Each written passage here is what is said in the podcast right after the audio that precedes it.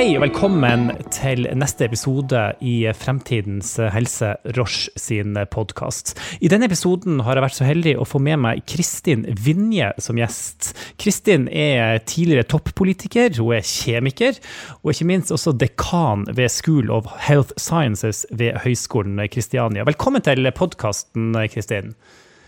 Tusen takk skal du ha, Hans Christian.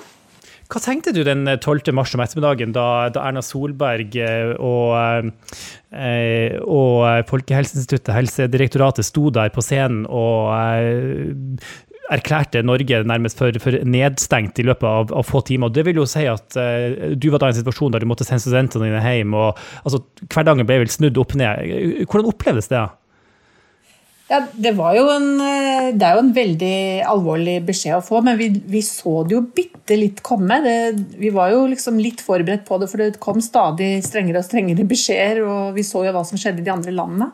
Så faktisk dagen før dette kom, så visste vi det ikke, men da planla vi et digitalt allmøte på School of Health.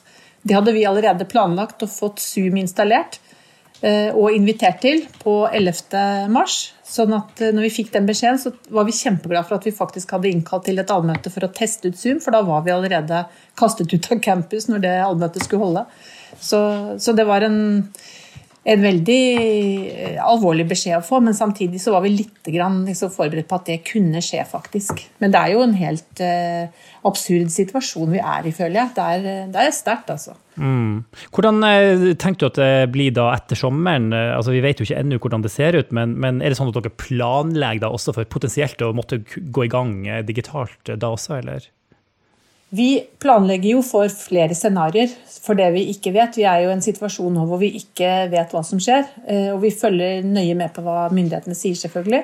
Men vi har jo satt krisestab holdt jeg på å si, i høyskoleledelsen, så vi følger nøye med på hva som skjer. Og så lager vi planscenarioer for ulike tilfeller av eh, åpning eller ikke åpning. Så vi har gode planer for eh, ulike scenarioer. Eh, sånn at vi skal være litt forberedt når det kommer nye beskjeder, enten de blir mer restriktive, eller om de forhåpentligvis blir mindre restriktive.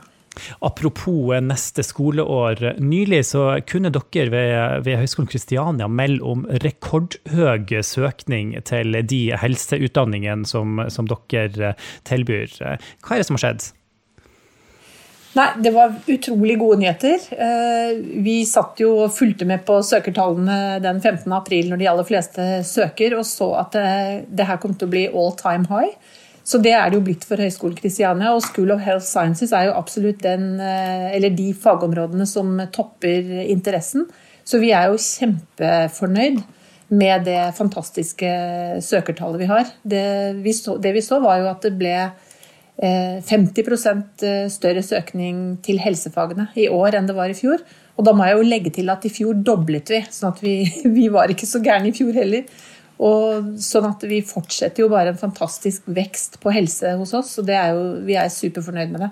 Og vi var jo selvfølgelig ekstra spent siden nå er alt liksom så usikkert, så da visste vi liksom ikke hvordan det skulle gå heller. Men nei, det var kjempegøy, rett og slett. Hva er det slags studier dere tilbyr innenfor helsefeltet? Vi har jo et veldig bredt uh, studietilbud. Uh, vi har uh, altså en helseutdanning som har helsefremmende, forebyggende og behandlende helse. Så vi har sånn som biomedisin, vi har psykologi, vi har ernæring og helse, vi har treningsvitenskap, vi har ikke minst folkehelse. Og vi har osteopati og akupunktur, og vi har også ansvar for pedagogikk og jus hos oss. Men eh, den røde tråden er jo det forebyggende, behandlende helseutdanninger.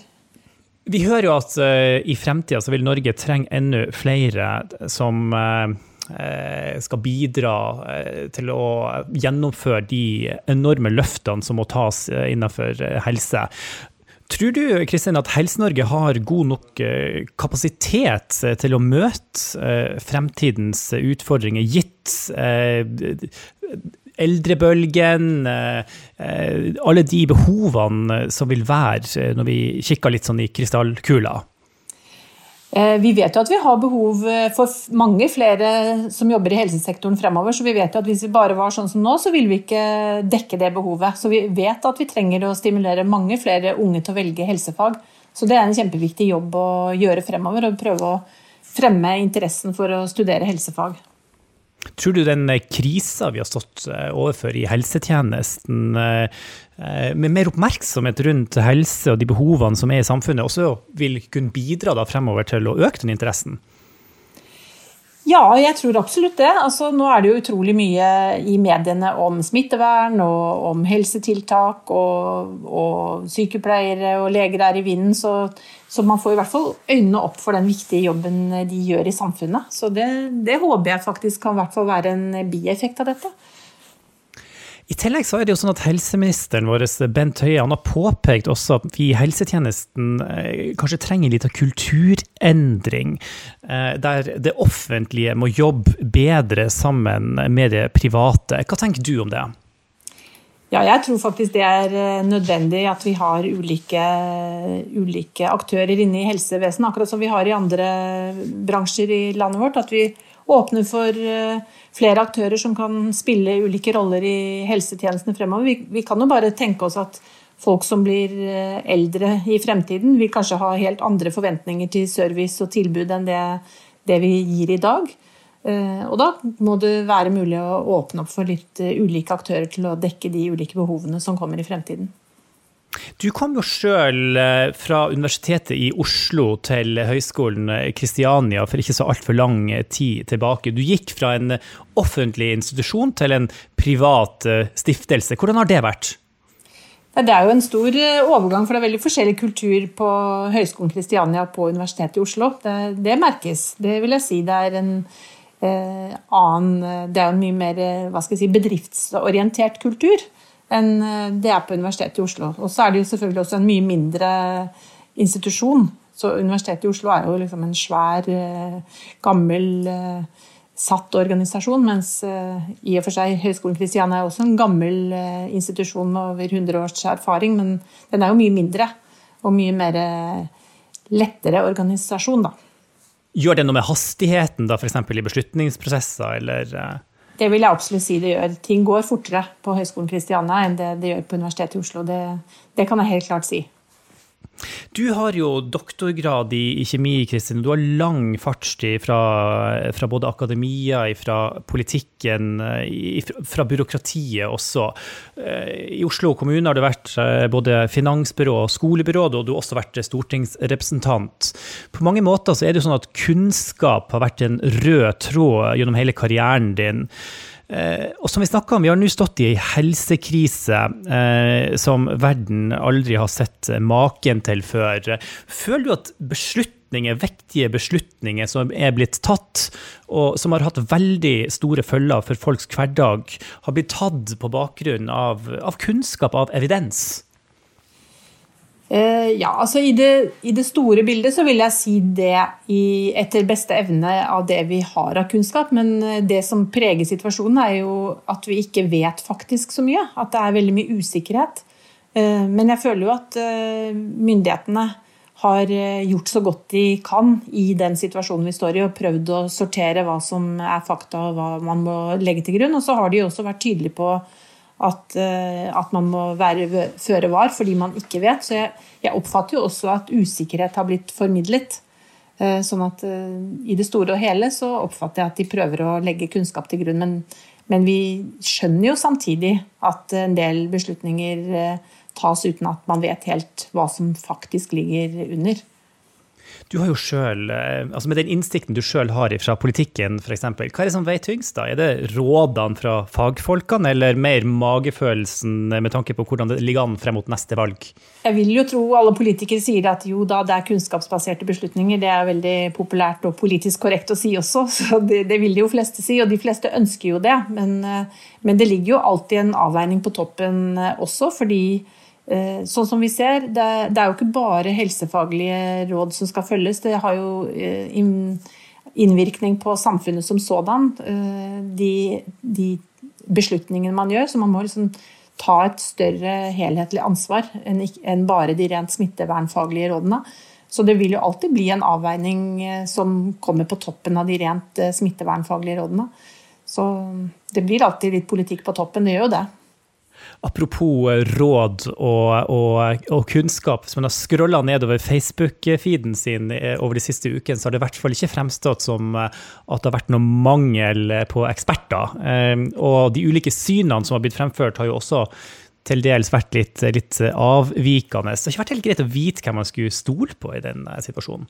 Nei, det er, det er, veldig vanskelig å sortere fakta og hvem man skal tro på. Vi ser jo mange eh, skråsikre folk som uttaler seg, særlig kanskje de som ikke har ansvaret. Men vi ser jo også veldig store forskjeller på Sverige og Norge. Der, I Sverige så, så har jo den, eh, de faglige personene større innflytelse enn eh, de har i Norge, egentlig. Det er mindre politikk og mer fag i Sverige enn det er i Norge. Eh, så det er eh, helt klart eh, vanskelig å, å, vite for de som sitter og hører på hva som er fakta, og hva som er bare ja, ikke følelser, men hva som legges på toppen av vurderinger. Men jeg må jo si at jeg syns norske helsemyndigheter har gjort en veldig god jobb, og politikerne også, og prøver å kommunisere tydelig hva som gjelder.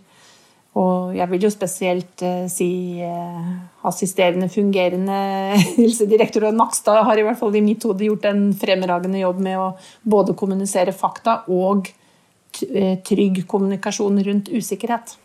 Mm. Apropos det du nevnte her om, om, forskjeller mellom Norge og Sverige. Tror du her at, at de evalueringene som naturligvis vil bli gjennomført på litt lengre sikt, også vil kunne bidra til, til viktig innsikt? Altså, tror du man vil kunne si at Sverige gjorde det bedre eller mer riktig enn Norge, eller, eller omvendt? Jeg håper og tror definitivt at vi kommer til å lære noe av det. For det er såpass store forskjeller i håndteringen mellom Norge og Sverige. Eh, I to land som er ganske like i utgangspunktet, så håper jeg virkelig at vi vil kunne lære noe av den uh, ulike håndteringen. Og I det hele tatt så kommer vi til å lære utrolig mye av denne situasjonen. Den er veldig vanskelig for mange, og det er eh, veldig mange uheldige eh, si, effekter av eh, denne situasjonen.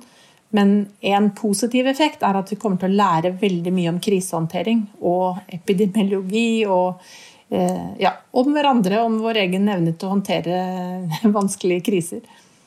Nå er det jo sånn at uh, i, i, media så begynner det jo etter hvert også å bli uh, skal, det begynner å bli litt uh, vanlig nyhetsstoff også, ikke kun korona. da. Uh, hva syns du om, om den mediedekninga vi har sett uh, under covid-19-epidemien? Jeg må si jeg er veldig glad for nå å se at det kommer noen andre nyheter enn koronanyheter også. Personlig så har jeg gått litt i metning av type overskrifter om ett og ett dødsfall pga. covid-19. Vi har tross alt veldig få dødsfall rent statistisk sett i Norge. Så det forsvares egentlig ikke med svære overskrifter for hver som dør. Eh, så, så jeg syns jo kanskje media hyper det opp litt også. Det, det syns jeg faktisk. Som nevnt, Kristin, så er jo kjemifaget noe som du virkelig brenner for. Eh, og nylig så skrev du om eh, hvordan enkelte metaller kan ha desinfiserende egenskaper. Eh, og du omtalte bl.a. de spesielle håndtakene på gamle kirker. Forklar litt nærmere om hva det var du ønska å uttrykke der. Ja, jeg syns det var litt artig. Jeg så i Aftenposten først en artikkel om Nordox, som er en fabrikk i Oslo som produserer kobberbelegg på munnbind som skulle sendes til Kina. Eh, og da kom jeg på den eh, egenskapen til kobber, at det er eh, antivirale egenskaper som dreper virus. Da. Og Samtidig så leser jeg 'Søsterklokkene' av Lars Mytting, og der kom jeg over akkurat historien om presten oppe i Gudbrandsdalen som fikk besøk av en arkitekt fra Tyskland. Det her er sånn for 100 år siden. Og det gikk gjennom liksom, detaljene i kirken som skulle bygges opp igjen. Og da kom det fram fra rådgiveren i Tyskland at burde, at eh, presten burde bytte ut håndtakene, smijernshåndtakene i kirken med messinghåndtak, fordi eh, Schönauer, som var den tyske arkitekten, hadde hørt fra metallurgen i Tyskland at eh, messinghåndtak det hadde gode egenskaper for å drepe smitte i håndtakene. For når mange folk samles i kirken, så spres det jo smitte. Så det var liksom den kunnskapen de hadde på den tiden til å hindre smitte gjennom å bruke messing i håndtak. da. Og messing er jo som kjent en legering med kobber, så det er kobber som har den antivirale egenskapen. Så det er litt morsom fun fact for en kjemiker, da. Å formidle. Tror du verden Kristin, ville vært bedre rusta til å møte en pandemi som dette om vi bare hadde hatt litt bedre kunnskaper i kjemi? Ja, jeg tror kjemi er kjempeviktig kunnskap for alle å vite. Vi omgir oss jo med materialer og ting som er bygget opp av ulike kjemiske elementer hele tiden. Så det er, det er veldig interessant, og det er veldig nyttig. Så jeg vil jo oppfordre alle til å studere kjemi også. Hvis ikke de vil ta helse, så ta kjemi. Nettopp. Tusen hjertelig takk for, eh, for praten, Kristin Vinje. Og lykke til med innspurten på skoleåret og alt det andre viktige arbeidet dere holder på med. I neste episode av Fremtidens helse skal vi møte Audun Ona, som er leder for markedstilgang i Roche Norge. Han skal bl.a. snakke litt om eh, prosessen som leder fram til at norske pasienter får tilgang til medisinsk innovasjon. Og dere kan også høre hvorfor han sammenligna dette med fjellklatring. Takk for følget.